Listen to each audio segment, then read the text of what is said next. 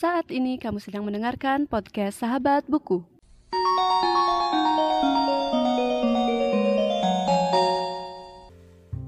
Halo semuanya dan selamat datang kembali di podcast Sahabat Buku.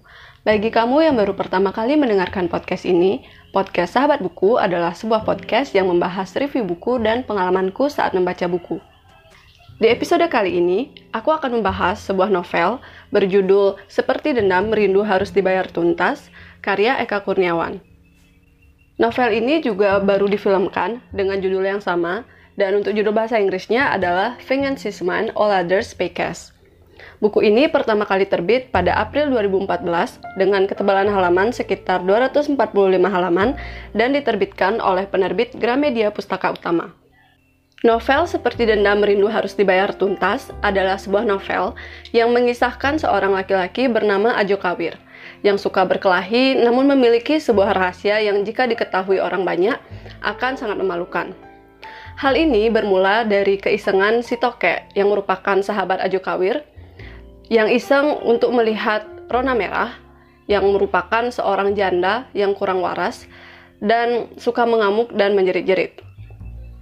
Awalnya, ibu dari si Toke yang namanya Wasami menyuruhnya untuk membawakan barang-barang untuk Rona Merah. Dulu Rona Merah adalah teman dari Wasami. Namun semenjak suaminya, Agus Lobot meninggal dunia, dia menjadi perempuan yang suka mengamuk dan berteriak-teriak.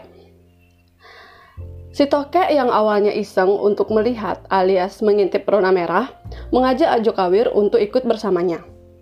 Nah, saat si Tokek dan Ajo Kawir ini mengintip Rona Merah, ada dua orang polisi yang datang ke rumahnya.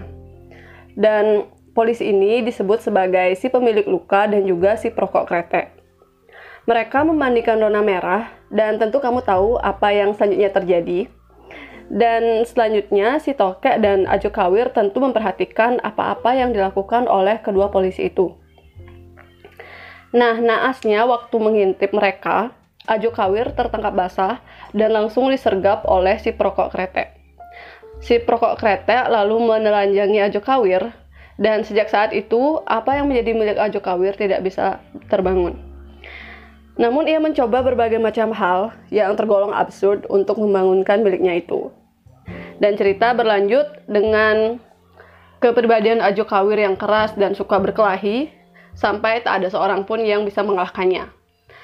Dan ternyata ada seorang perempuan yang nantinya bisa mengalahkan Ajo Kawir yang bernama Iteng dan setelah perkelahian mereka itu mereka saling jatuh cinta dan uh, apa namanya cerita berlanjut ke konflik antara Ajo Kawir, Itang dan juga apa yang menjadi uh, perhatian dari cerita ini yaitu bagaimana Ajo Kawir berusaha membangunkan miliknya itu. Selanjutnya, aku akan menceritakan pendapat pribadi aku mengenai buku ini.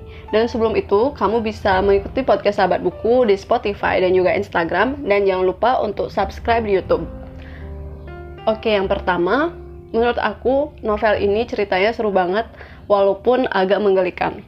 Nah, kenapa aku bisa bilang seru? Karena uh, dari awal disuguhkan sebuah uh, apa namanya cerita di mana Ajo Kawir itu memiliki suatu rahasia yang ternyata uh, terjadi karena sebuah tanda kutip kecelakaan gitu dan itu benar-benar mempengaruhi hidup hidupnya setelah uh, kejadian itu gitu benar-benar mempengaruhi gitu dan Selain itu, ini adalah cerita tentang uh, persahabatan antara si Toke dan juga Ajo Kawir dan bagaimana uh, percintaan Ajo Kawir setelah kejadian yang menimpanya itu.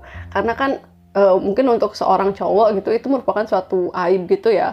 Dan dia juga sudah berusaha melakukan banyak hal yang pas aku baca tuh membuat aku ngerasa geli banget karena nggak kebayang sih kalau itu ada bener ada orang yang bakal melakukan hal-hal seaneh itu.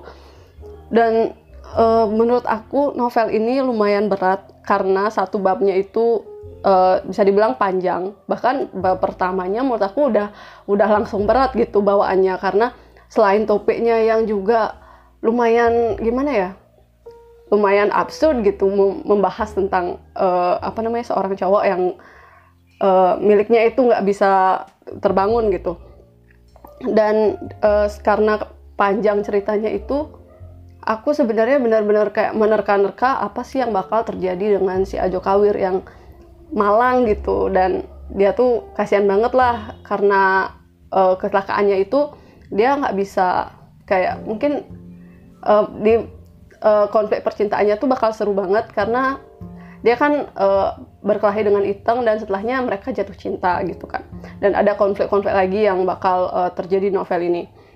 Dan juga uh, mungkin karena seperti yang tadi aku udah sebutin novel ini bisa dibilang bergenre uh, novel dewasa yang mana dibaca oleh orang yang uh, berusia 17 tahun ke atas.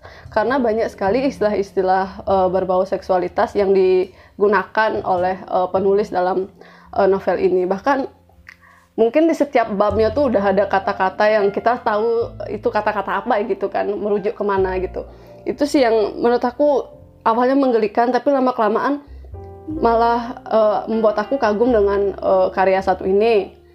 Karena uh, selain memang topiknya yang gimana ya absurd banget tapi juga konsistensi penulis untuk tetap menggunakan kalimat-kalimat uh, seperti itu jadi gimana ya semakin semakin ke tengah cerita malah semakin seru gitu. Karena konfliknya bener uh, kayak tensinya tuh naik dari awal cerita gitu. Di di awal cerita udah disuguhkan sebuah uh, apa namanya sebuah alur yang bisa dibilang uh, aneh gitu. Karena ada dua orang cowok yang ngintipin uh, tanda kutip orang gila gitu kan.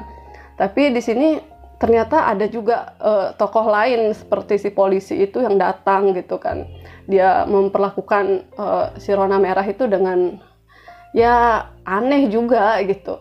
Jadi kalau uh, menurut aku tuh kayak aneh aja gitu. Tapi ceritanya emang seru banget karena setelah kejadian itu benar-benar ngefek ke masa depannya Ajo Kawir dan bagaimana si Tokek juga merasa bersalah dengan apa yang menimpa sahabatnya itu dan selain itu uh, apa namanya novel ini juga ngebuat aku mikir kalau uh, kadang-kadang eh, nggak uh, semua novel yang uh, apa ya babnya panjang itu ngebosenin. Karena menurut aku novel ini bener-bener nggak ngebosenin.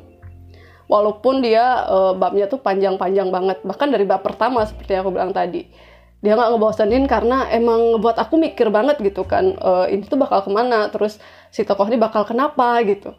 Jadi itu sih yang membuat aku bener uh, lumayan cepet lah baca ceritanya. Karena sebelumnya kan aku belum pernah baca novelnya Eka Kurniawan. Aku sempat baca kayak cerpennya aja.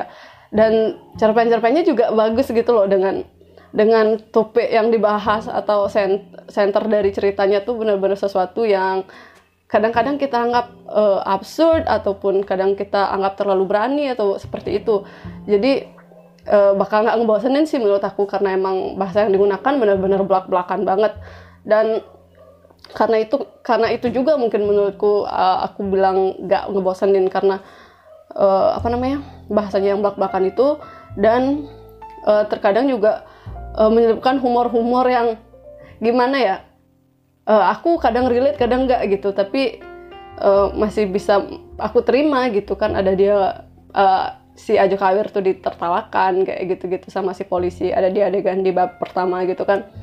Jadi novel ini recommended buat teman-teman yang mungkin nyari bacaan uh, yang nggak uh, biasa gitu. Mungkin yang topiknya lumayan ya tanda kutip novel dewasa dan juga ceritanya juga gimana ya absurd dan keren sih gitu menurut aku karena uh, apa namanya nggak ya sejauh ini buat aku pribadi nggak banyak membaca novel-novel seperti ini.